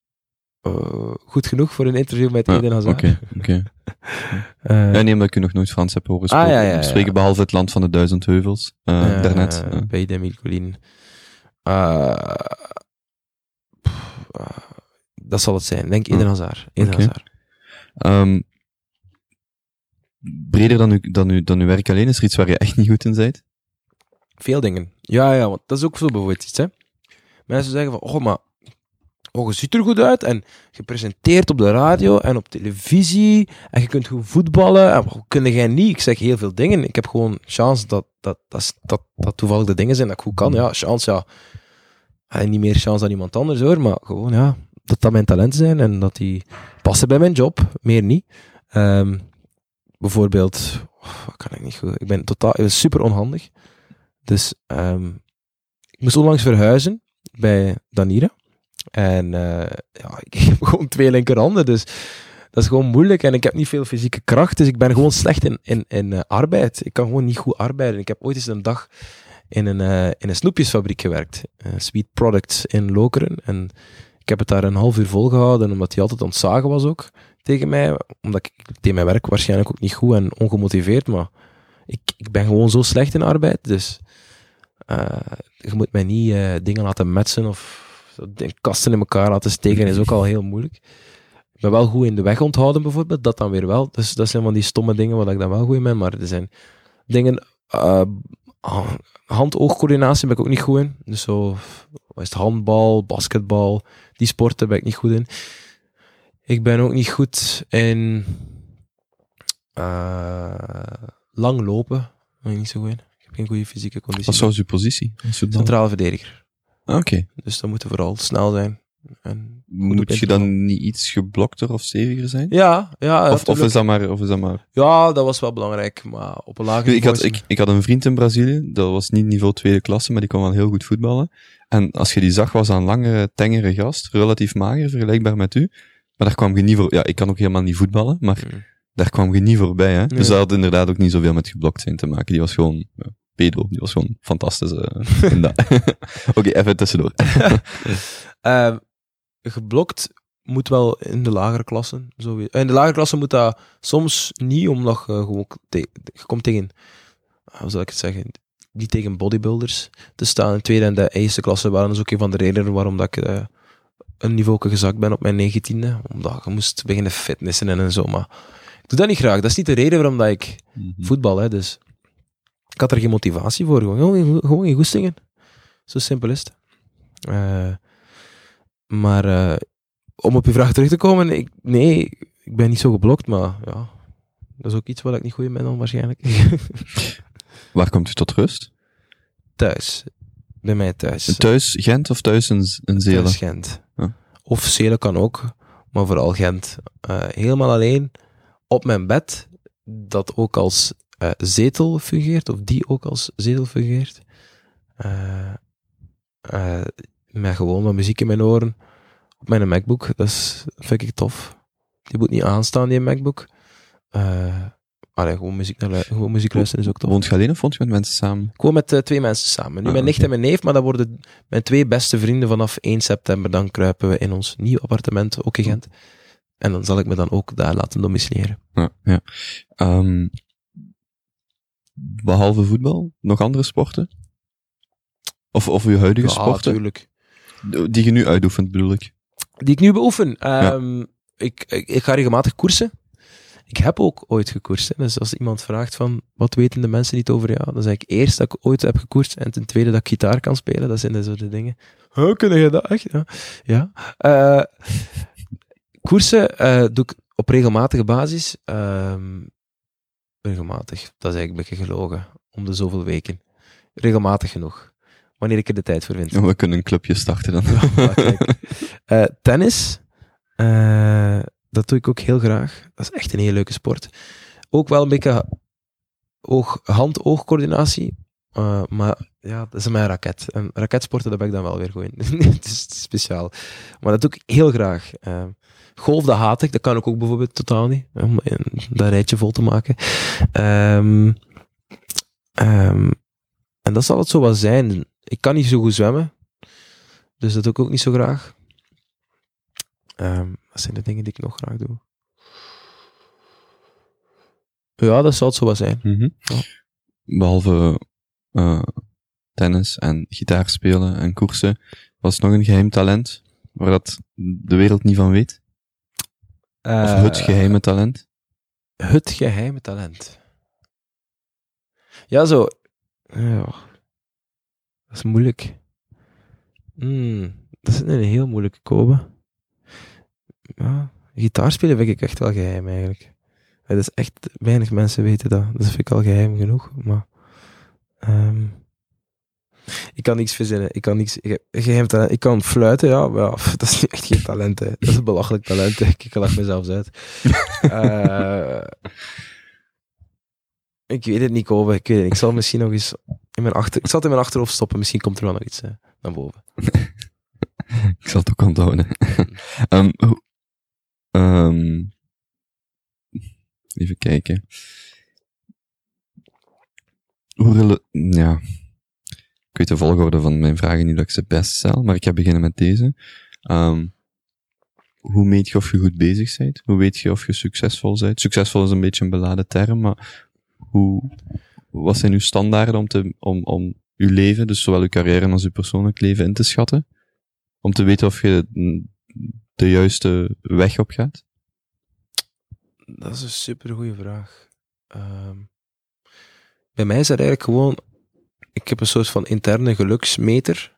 Ik kan altijd wel vrij goed aanvoelen van, kijk, nu ben ik gelukkig, nu niet.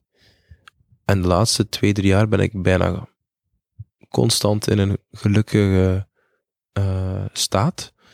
Eh, en daar heeft mijn carrière bijna alles mee te maken, omdat ik gewoon elke dag doe wat ik graag doe. Allee, een carrière-mens zijn is zo, dat is geen vies woord, hè. Want uw carrière is per definitie datgene waar, je, waar je heel vaak mee bezig bent. Het vaakst van allemaal. Je slapen doe je ook ongeveer even vaak. Maar ja, dat is gewoon een groot deel van uw leven, uw, uw carrière, uw werk, uw, inkomen. Ja, en, het, en het, om, om heel even te onderbreken, het omgekeerde is veel erger. Niet een carrière-mens zijn en tegen uw goesting 40 uur per week. eh, Dan, ja. dan liever een carrière-mens die, dat zei Evje de Porter ook, die er dag en nacht voor leeft, ja. maar daar voldoening uit haalt, dan iemand die er niet voor leeft en er ook helemaal geen voldoening Voilà. uit haalt. Ja. Voilà. Ja, je leeft er inderdaad wel voor, maar het is gewoon, allee, stel je voor, jij houdt van eh, kaarten en je mocht als je job, je wordt daarvoor betaald, mocht de kaarten. Dat is de max. Ah, Het is gewoon, je kijkt daar altijd weer naar uit, omdat je dat gewoon graag doet. Dus ja, Wat beïnvloedt dan die interne geluksmeter?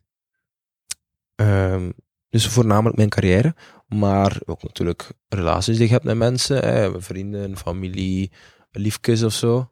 Ehm, maar vooral, eh, bij mij vooral mijn carrière, ik zeg het, maar ook natuurlijk ja, de mensen rondom u. En ik ben heel goed omringd, daar heb ik daar heb ik nooit problemen mee gehad eigenlijk om mij te omringen met, met goede mensen. ehm, die ik graag zie en die mij graag zien. Dus allee, dat, is, dat, is, dat heeft altijd al goed gezeten. Dus het is, de laatste jaren heeft vooral het, eh, de leuke job het, eh, het verschil gemaakt.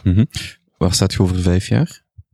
Ik denk hier op de sportredactie, ehm, zonder twijfel, eh, met nog meer impact op de mensen, met nog mooiere opdrachten, met al meer invloed, zal ik het zeggen, met een grotere naam gewoon.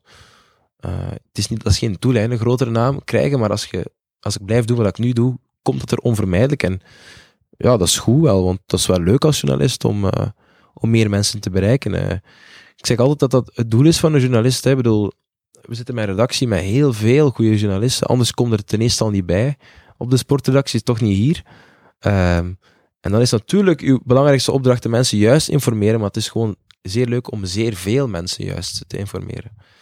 Het is leuker om een publiek te hebben van, van eh 10.000 mensen dan van 100 mensen. Zeg dat niet tegen mij. Oh, maar ja. Maar ja, nee. Nee, nee, Dat sorry. ik, begrijp, ik begrijp Maar wat zou je bedoelt. liever hebben dat er meer mensen, dat er nog meer mensen naar... Ja, dat is altijd leuk. Kobe Allee, is- dat is, dat is altijd leuk hoe meer. leuk? Ja, ja. Dat mag nooit het opzet zijn, want dan gaat je ook niet zo ver... Ah, dan gaat je ook geen groot publiek krijgen. Tenzij een bedenkelijk publiek dat zich niet geïnteresseerd in kwaliteit, maar in, in brol. Maar dat wilde niet. Eh, je wilt, als, zeker als journalist of als Ja, ja. eh, radiomaker, want het is wel radio, vind ik.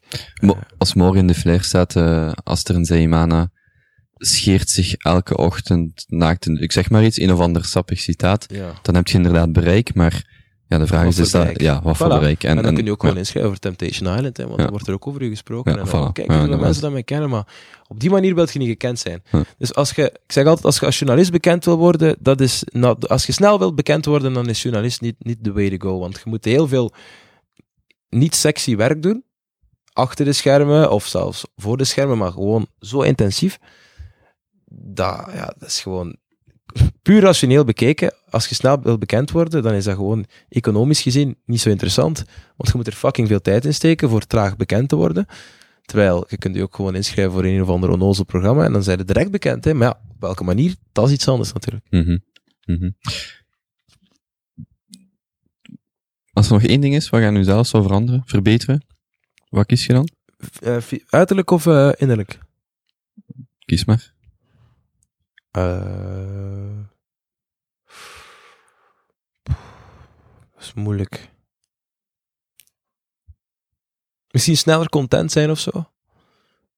Eh, want dan zijn je sneller gelukkig. En het draait natuurlijk altijd om gelukkig zijn. Dat dat het leukste gevoel is dat, je- dat je als mens kunt hebben. Zo. Dus als je sneller content bent, soms ben ik wel jaloers op mensen die zo... Ja, met alles dat zo zeer gewoon en zeer normaal is, waar je eigenlijk niet veel moeite voor moet doen, dat die daar perfect mee content zijn. Ik vind dat wel zeer charmant. Zo, sommige mensen die niet zo slim zijn, die zijn ook gewoon zeer gelukkig. En je denkt dan van, oh god, dus, oh god, oh god, ja, maar die voelen dat zo totaal niet aan. Die hebben zoiets van, ja, nee, hè, mijn leven is perfect eigenlijk. eh. En die kijken dan naar u en die denken van, "Goh, wat moet ik allemaal doen, jong? Amai, ik ben niet jaloers. Ja, kijk. Dus misschien soms sneller content zijn. Dat zou wel, dat zou gewoon tot een makkelijker leven leiden, denk ik. Mhm. Waarover zit je het de laatste twaalf maanden van mening veranderd? Of is er iets waarover je in, de laatste, in het laatste jaar van mening bent veranderd? Oh, jezus. Of mening hebt bijgesteld? Zonder twijfel. Ik ben wel iemand die vaak zo dat je denkt van, oeh, daar zat ik ernaast. Eh, ja, misschien eh, Hillary Clinton. Misschien wel. In de negatieve zin dan toch? Allee, je moet erop stemmen, hè, want het alternatief is ja, Donald Trump. eh, die ik wel zeer fascinerend vind. Dat wel. Eh, maar ja, Hillary Clinton, ik heb zo ik ben wel in verdiept. Ik dacht altijd van, die was toch bekwaam als, als eh, foreign secretary. Maar nee, die is echt eh, een beetje, beetje corrupt. eh, liegen, keren met de wind ook. Dus nee, daar heb ik mijn mening over moeten bijstellen, bijvoorbeeld. Oké. Was volgens u realiteit of bestaat, maar je- wat je niet kunt aantonen? Wat je niet kunt bewijzen? Wat, wa- wat voelt voor u als echt, ook al kunt je het misschien niet aantonen? Ik ben niet gelovig, dus dat al sowieso niet. Ehm, eh, zo, dat is toch, ja... Of waar gelooft je in, waarin weinig mensen u volgen? Of waar zit je van overtuigd? Oh my god, man. Ehm, wat geloof ik in, wat dat? Ik heb meestal wel afwijkende meningen hoor, dus normaal gezien is dat niet moeilijk. Maar echt zo in iets geloven, waar dat er weinig mensen in geloven. Ik geloof. Ah. Hmm. Ah, Kobe. Kan straks nog. Ja, straks. Ja, ik, kan, niet- ik, kan, ik kan niet echt iets bedenken, dat is wel kut. Er gaan sowieso mij nog dingen te binnen schieten, maar dat is zo on the spot is dat wel... Ja, ik weet het niet. Nee, Oké. Waar ergert u mateloos aan? Oh, er zijn er veel dingen hè, waar ik me maatloos aan erger. Sleutel in de auto laten liggen? Ah! Bijvoorbeeld. Onlangs meegemaakt. Het is horrible. Echt verschrikkelijk. Daar, maar dat, ik erger me vaak aan mezelf ook natuurlijk. Aan mijn nalatigheid, aan mijn nonchalance. Oh, daar heb ik last van. Eh, ik erger me aan leugenaars. En eh, niet om de reden omdat ze liegen, maar vooral omdat ze denken dat zij zodanig slim zijn en jij zodanig dom zijn, dat ze u om de tuin kunnen leiden. Die arrogantie van iemand die tegen u liegt en die ervan overtuigd is van ik ga hiermee wegkomen, die gaat niet inzien dat ik hier aan het liegen ben, dat vind ik echt zo'n arrogantie die zo bestraft moet worden. Daar kan ik echt heel kwaad van worden. Ik erger mij mateloos, maar echt enorm mateloos aan verkeer, mensen in het verkeer. Zo, zo, ik ga erger mij maatloos aan mensen die in also, bumper kleven. Dat, dat is echt dat is hatelijk. Maar ik erger mij nog meer aan mensen die in het derde vak komen rijden. Zo. Mensen die bijvoorbeeld, ze zitten op het tweede vak te tuffen. Hè? Der camion, Het, het middelvak dan. het middelvak, ja. Eh, en daar rijdt een, een, een vrachtwagen voor hen. Hè? En ze zien dat al van 200 meter, ah, je ziet dat al een kilometer vooraf, maar ze zijn het tuffen, tuffen. Ik kom op het derde vak, ik rij sneller dan hen. Het derde is het linkse vak, Het, hè? het meest Ja, links, ja, het snelste vak, ik rij sneller. En dan plotseling, ja, beslissen ze van, oei ja, er komt een camion, er is een camion op mijn rijvak. En dan beslissen ze om op het derde vak te schieten. Ik kom net af, ik moet in de remmen en ze tegen 110 op dat derde rijvak, traag voorbij die camion. Daar word ik echt zot van. Dat is puur egoïsme. Dus egoïsme, dat kan ik ook echt niet af. Echt verschrikkelijk, jongen. Ah, dat haat ik echt. Ik ben vrij kwaad in het verkeer. Ik heb ook een, een redelijk zware voet, moet ik met weinig trots meegeven, met enige schroom. Ja, dat is gewoon zo. Rijd je regelmatig in Duitsland? Nee. Ah, echt eh, werk van maken. Ja, dat kunnen Ik had het, ik had het voor, het, voor het gesprek heel even over Hamburg. Rij, rij daar maar eens naartoe, dan eh kunt je zware voet ook eh ja, bot maar ja, vieren. ik, ik overdrijf niet, hè, maar ik krijg altijd de 130 of 140 wel, wat ik maar 120 mag. Ja, dat is toch te zwaar, te, te, Ja, te hard. ja maar ja, Ik kom soms Duitsers tegen die 180 en denk van wow, dat is gewoon gevaarlijk.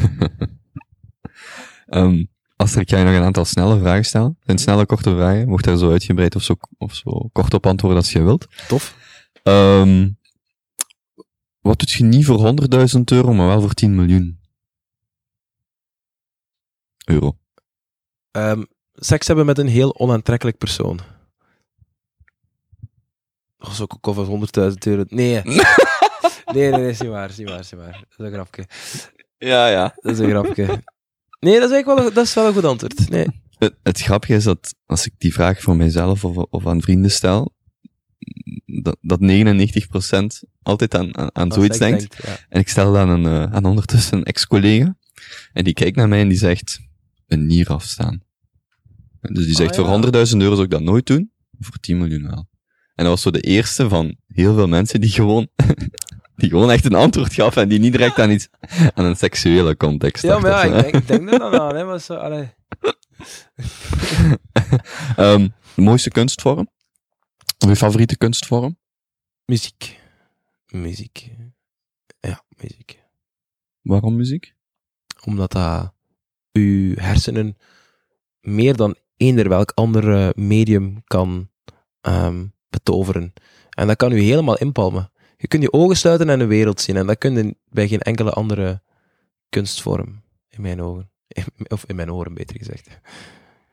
ik, ik stel dezelfde vraag ook aan Adil Al-Arbi. En die, en, want mijn antwoord is eigenlijk altijd hetzelfde geweest. En hij zegt, ja, ik vind cinema of film nog net iets mooier, omdat je daar en het audio gedeeld hebt, maar ook nog de, de verbeelding die dan af en toe spreekt. En dat vond, wel- en dat vond ik eigenlijk een heel mooi antwoord, want ik had, voor mij zou het standaard antwoord ook altijd muziek zijn geweest, omdat u dat zo in verroering brengt en omdat je er elke dag in mijn geval naar luistert. En hij zegt, ja, maar beeld erbij is toch nog, Ja, dat is juist. toch nog net iets, iets Eigenlijk meer. heeft hij wel gelijk. Ik kan, ik kan oh, ik onlangs naar de, de film van ehm, Leonardo DiCaprio gaan kijken. Eh, River, nee, wat is het meer? Ehm, dat hem daar helemaal alleen en in, in, ja, in, ja, allee, die film waarvoor hij een Oscar heeft gewonnen. Ja, ik weet welke je bedoelt. Vooral zo van in de jaren, in de 19e eeuw eh, Ja. in eh, de Verenigde Staten. Fantastisch, En hè? tegen dat ik dit terugbeluister, denk ik, ah nee, dat was het, maar ik kom er ook niet op. Nee, ja. Ik wou blijven, nee, Nee, nee, ik weet het niet. Het is, het is een Engels woord, dat betekent The Revenant. The Ja, Revenant. The Revenant, yes, yes. voilà. Oh, dat het deugd, hè? Zoiets, eh, Ja. dat Oef, In die gered. film bijvoorbeeld. Ik kwam buiten met mijn vrienden en die zeiden van, oh, die film duurde wel wel lang. Ik zeg, maar nee, dat is net de schoonheid ervan. Dat waren zo fantastische beelden van Montaigne. Het is gefilmd in onder andere in Montaigne, in Zuid-Argentinië en zo. Maar goed, ze doen nu geloven dat dat allemaal de VS is. En dat bestaat ook zo in de VS. Prachtigste land ter wereld Mhm. trouwens. En je ziet zo, ja, sneeuwlandschappen of zo van die verlaten landschappen met zo... Soms zelfs geen soundtrack op, maar gewoon zo geluiden van daar. En dat is echt... Dat is nog meer dromen dan muziek. Eigenlijk moet ik Adil El Arbi gelijk geven. Eigenlijk is dat nog, is dat nog meer eh, wegdromen. Want dat, dat doe ik heel graag.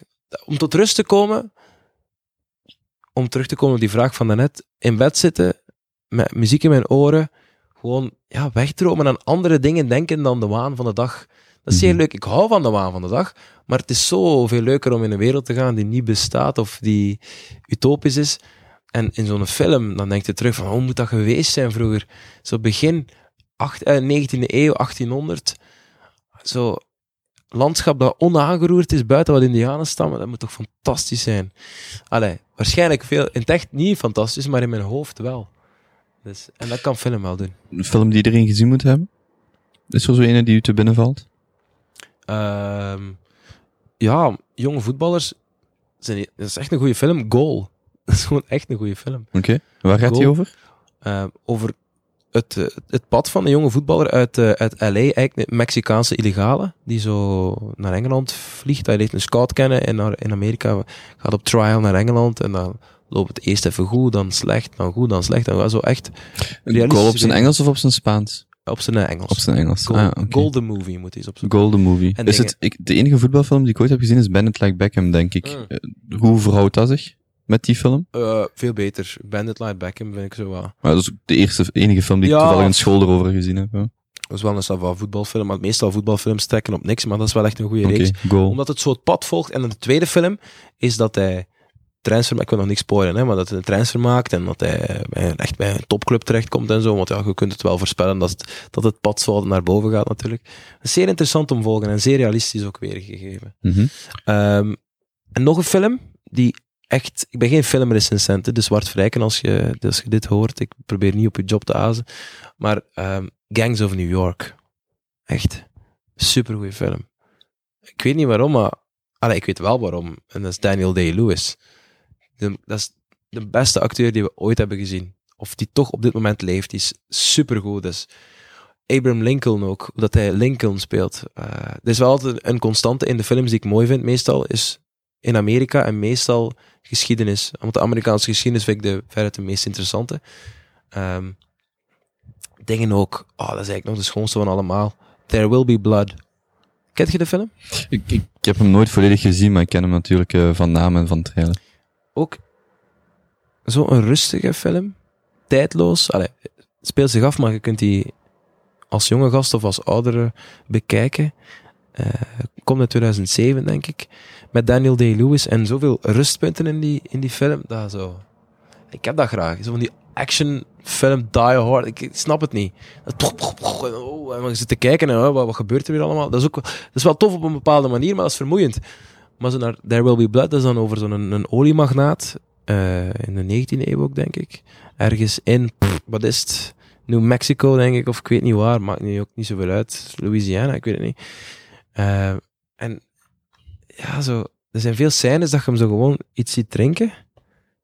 En dan stopt die scène. En dan denk je van, waarom zit dat er niet in? Maar dat is zo geniaal, omdat dat, dat zijn net de momenten die je onthoudt van die film. Dat zijn net de momenten waarop dat je, alles wat je net hebt gezien, even reflecteert. Dat is zo slim van die regisseur en fantastisch geacteerd. Mhm. ik zeg. Heb je nog een favoriet album? Of een album dat iedereen zou moeten beluisteren? Ik heb er verschillende. Ik kan wel wat, eh, wat dingen aanraden, want eh, ik luister wel veel muziek. Zeker in mijn auto. Ik heb goede boxen en dan zegt de max. S'avonds met een auto Een rijden. eh, V60? Eh, C30. Ah, een C30. Oké. Ja. V60 is degene die, die ik graag zou willen kopen zonder reclame te maken. Hè. Ja, ik ook, zonder reclame te willen maken, maar inderdaad. Dat is, eh, dat is wel een auto die op mijn... En wat klinkt er dan liefst door, u, door uw luidsprekers? Of wat mag iedereen door zijn luidsprekers sturen? Tudor Cinema Club is supergoed. Beacon, dat album is... ehm, komt uit 2011, de- 13 denk ik, 13. Maar dat is zo goed. 2013? Ik weet het niet. 2011? Ik denk 2011 zelfs. Echt, oh, wat een album. Allee, elk nummer is goed. Years in, nou, het album van Years and Years is ook supergoed. Communion heet dat. Dus dat is ook echt een aanrader. Ik kan sowieso dingen vergeten. Hè. Petit Biscuit, dat is ook supergoed. Dat is een, eh, een rapper. Manneke was 15 jaar uit Frankrijk. Aan het begin van zijn carrière, maar toevallig ontdekt op Twitter, omdat iemand die volgde, ik weet niet meer wie.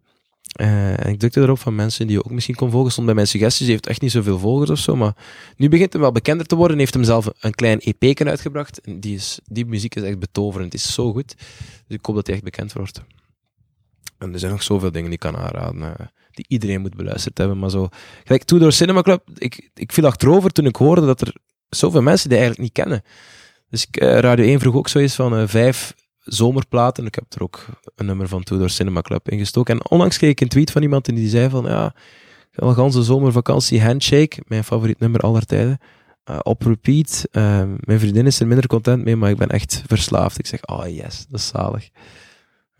Oké, ik ben benieuwd. Ik ga zeker, Zeker eens opzoeken. Ja, Handshake, van ik kan het je zo meteen op mijn gsm laten horen. Oké. Moet ik het nu doen? Ja, ik ga ondertussen u de volgende vraag stellen, maar eh, zoek het op uw gemak uit, eh, op. Ehm, wie zou jij nog willen ontmoeten? Barack Obama. Die zou ik echt ooit eens willen ontmoeten. En Harry Styles, Harry Styles? eh, de zanger van One Direction. Ah, oké. En acteur ondertussen ook. Dat En- kan allemaal, hè. En een historisch figuur die je nog zou willen ontmoeten? Of ja, ik bedoel... Die Keizer Augustus. Keizer Augustus zou ik graag ontmoeten. Keizer Augustus. Welke periode? Dat is de man eh, van net voor Christus en net na Christus. Dus dat is Octavianus. En die heeft zichzelf dan tot Augustus gedoopt. En heeft zichzelf ook een naam een maand gegeven. Postmortem hebben ze hem eh, een maand cadeau gedaan. De maand, welke maand zouden ze hem cadeau hebben gedaan, Kobe?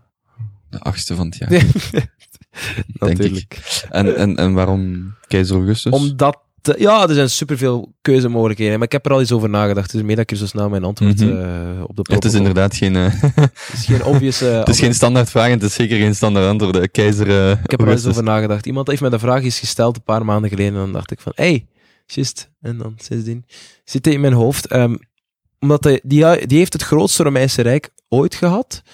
In principe waren de grenzen ehm, bij onder andere Hadrianus en zo nog iets groter. Want hij heeft onder andere de muur in Engeland en, Brittannië gebouwd. Maar dat was minder een, een, eh, een eenheid, zijn rijk. Onder Octavianus was er voor het eerst sinds eh, al die, die keizers, mag ik niet zeggen, maar sinds die... eh, nou, hoe moet ik het, hoe moet ik het noemen?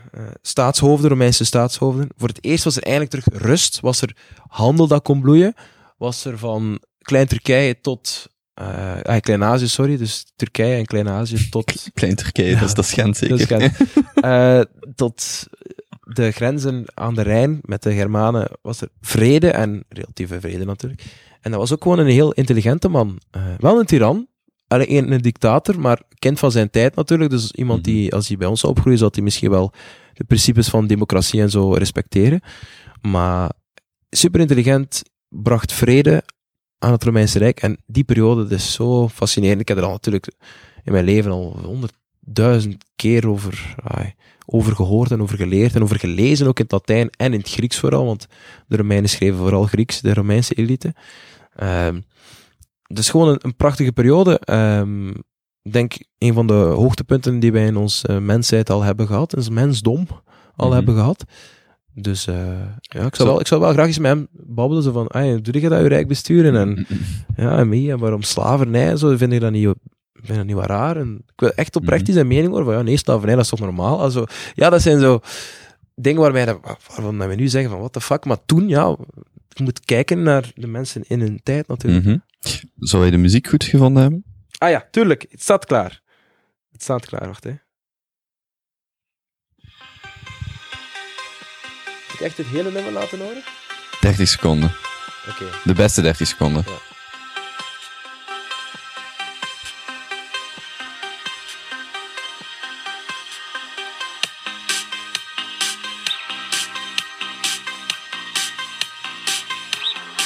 En ze brengen een nieuwe album uit. Dat is fantastisch. En dit is van Tudor Cinema Club. Two Door Cinema Club.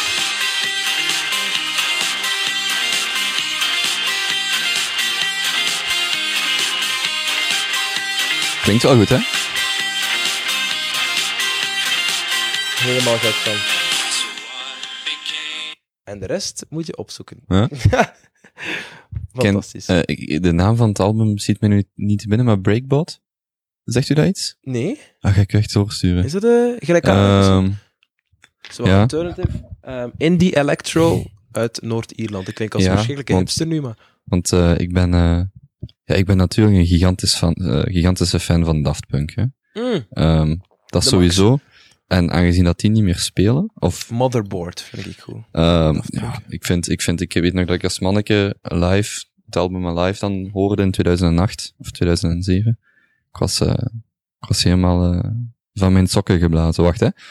Ik hoop dat het erop staat. Maar dat is ook dromerige muziek. Het is, het is anders, hè. Maar dit is één van hun nummers. Is, is dit Wat- iets wat... Wacht, hè. En van wie is dat? Ehm, Breakbot. En het, eh, het nummer heet... ehm, wacht, hè. Breakbot. Ah ja. Wacht, hè. Even kijken. Want ze, ze hebben... Baby, I'm your... Uh, wacht, hè. Ik ga, ik ga ze dus gewoon eens doorsturen. Maar ik vind, ik vind dit... Als ik in de file sta, of, of, of als iemand van het middelvak mij voorschiet, dan zet ik dit op. Ja. En dan denk ik, Dan wordt er rustig. er, er kan niks meer misgaan.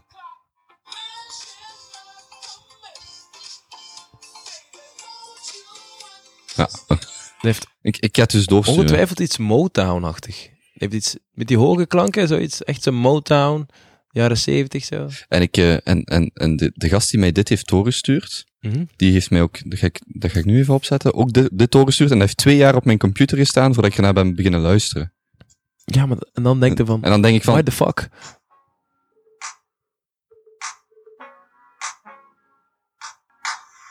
I'm not the reason you're looking for redemption. You cut some strings and everything will fade away. You're trying to use some physical connection Oh, dat is goed, joh. by the way. Oh, dat is goed. Ja, dat is En wat is dat? Chad Faker. Ah, dat is Chat Fake. Chad Faker, dus dat heeft, dat heeft twee jaar op mijn computer gestaan, zijn album eh Build on Glass. Ik heb daar nooit naar geluisterd. Of ik heb waarschijnlijk één of twee nummers geluisterd, niet goed gevonden. En eens zie ik daar 1998 eh, die nummers op staan, Goal en zo. Dan denk ik van, wow, ik heb nooit naar geluisterd. Oké, terug naar, eh, The quick questions. ja, de quick questions. Ehm,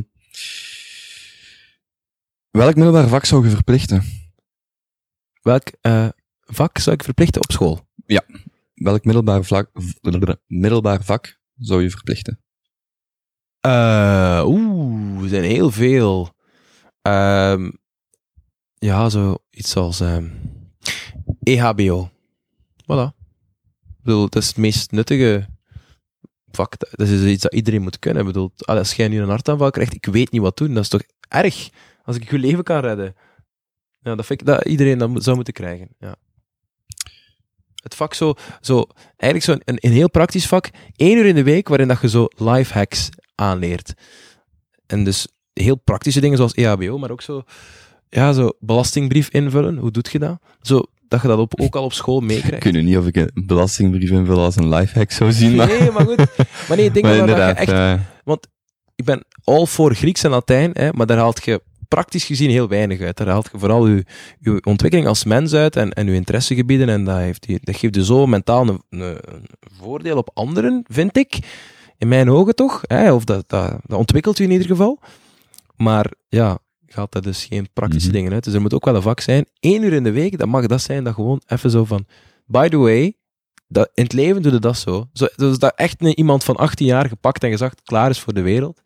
Want de meeste mensen ontdekken dat wel en met, met vallen en opstaan, dat, dat komt dan allemaal wel goed. Maar er zijn ook mensen bij wie dat, dan niet goed komt. En dan heb ik het niet over het invullen van een belastingsbrief, maar wel ja, andere dingen die je moet weten of zo. Hoe zou je zoiets leren? Hoe zou zo'n vak eruit zien? Qua Oh. invulling? Als er staat voor de klas en, en geeft het vak lifehacks, hoe, of, of ja, noem het gelijk je wilt. Gewoon Hoe zou zo'n vak eruit twee of drie dingen per, per lesuur. Dus je hebt een lesuur in de week van, kijk, vandaag gaan we, of van de komende maand gaan we ons focussen op EHBO. Dus gaan we, oh, eh, en nu in dit vak, in dit lesuur bijvoorbeeld op vrijdagochtend, maar ook op woensdagnamiddag moet iedereen een keer eh, wat langer blijven om, eh om EHBO, EHBO-lessen te krijgen. En dan na die vier weken zeg je, oké, van vandaag houden we ons met wat luchtigere dingen bezig. Weet er iemand wat een belastingsbrief is, ik zeg maar iets. En dan leer je dat invullen en dan onthouden dat, want op je, een paar jaar later moeten dat al zelf beginnen doen. Of wat met kindergeld, hoe lang krijg je dat, wanneer stopt dat? Wat met werken en zo. Allee, zo dat soort dingen die, die eigenlijk niemand leert, maar die wel belangrijk zijn. Eh, Ik heb, eh, ik heb de laatste graad TSO afgerond en ik kreeg daar dan ook zo'n eh, een, een attest van bedrijfsbeheer bij. En eigenlijk zegt dat niks, want u, u, uw klanten contacteren, een goed product aanbieden, dat zijn eigenlijk de dingen die je zou, meer zou van zou moeten weten en niet een attestje dat aantoont dat je toevallig een aantal economische regels geleerd of Ja. gelezen hebt. Maar ja, oké. Ehm, de mooiste plek die je het laatste jaar hebt bezocht? Ehm, Nelson Place in Shoreditch, Londen. Was er speciaal aan die plek? Dat is een, dat is een, een pleintje in Shoreditch, bloedmooi, supergezellig. Ehm en dat is de schoonste plek waar ik het afgelopen jaar ben geweest. Hm? Wacht je voor het werk ook daar? Nee, ik was er met, eh met Danira en vriendin. Ah, ik heb er een, eh, een foto van gezien, kan dat? Van uw tijd in Londen? Ja, van uw Ja, ik heb naar Londen? verschillende foto's genomen Ah. hoor. Maar eh, ja, ja, zeker, dat was echt super mooi. Oké. En kunt je nog eens één keer of spellen hoe dat je het zegt? Want ik heb, ik heb, ik heb er nog nooit van gehoord. Nelson Place in Shoreditch is het. Ehm, vlakbij, kijk, ik zal even mijn, mijn Instagram nemen.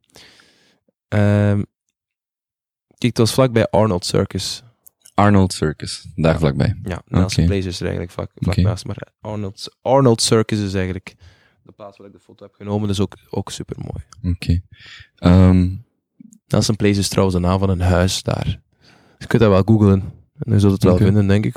Ja, Maar in Engeland hebben alle, alle huizen een, eh, een, een naam bijna. Hè. Mhm. Gelijk bij ons. eh, We hebben gewoon 68. Ja. N- Narcislaan 68 of zo, ik zeg maar iets.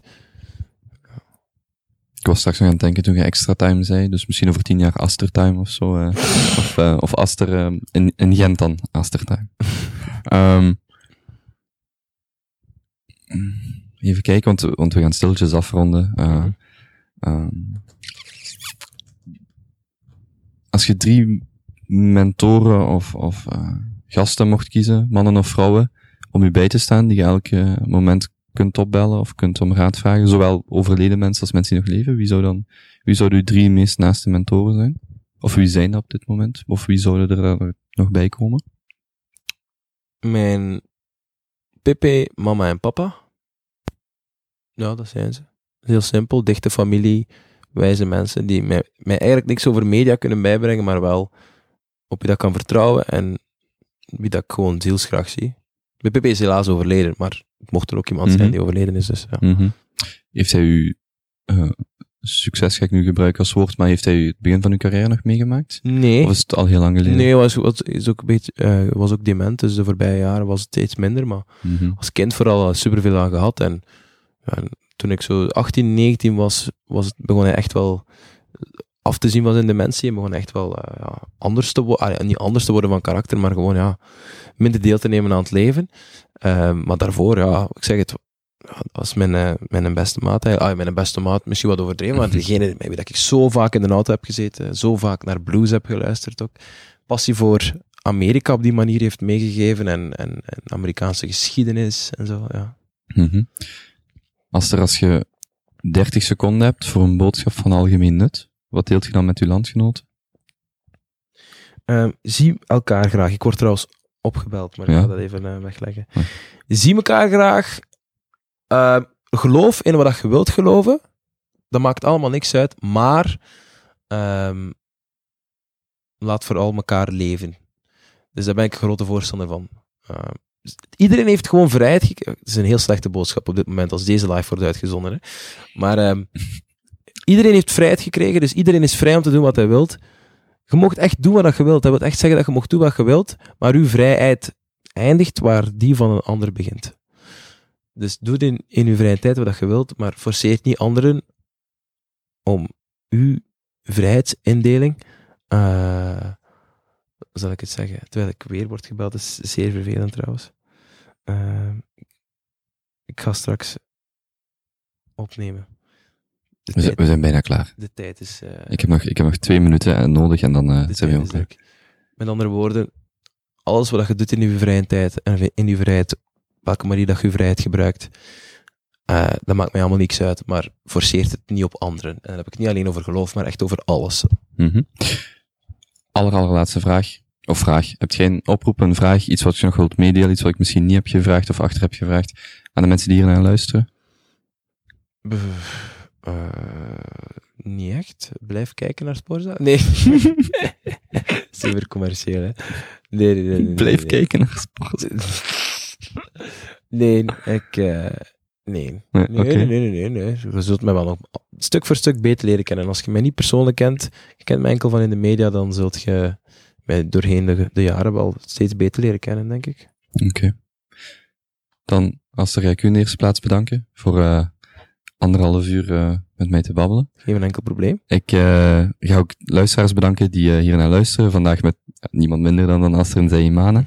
En je zit ook op Twitter. At Ja. Aster en Zij. Ja, Ad, Aster en dan N van nacht, Z-E-Y. Maar ja, dat is niet zo. Ja. Je zult mij wel vinden. Aster en Zij Als je mij Imane. wilt vinden, zul je mij wel vinden. Oké, super. Dan nogmaals hartelijk bedankt en heel veel succes in de toekomst. Ja, dankjewel, Ja. Kobe.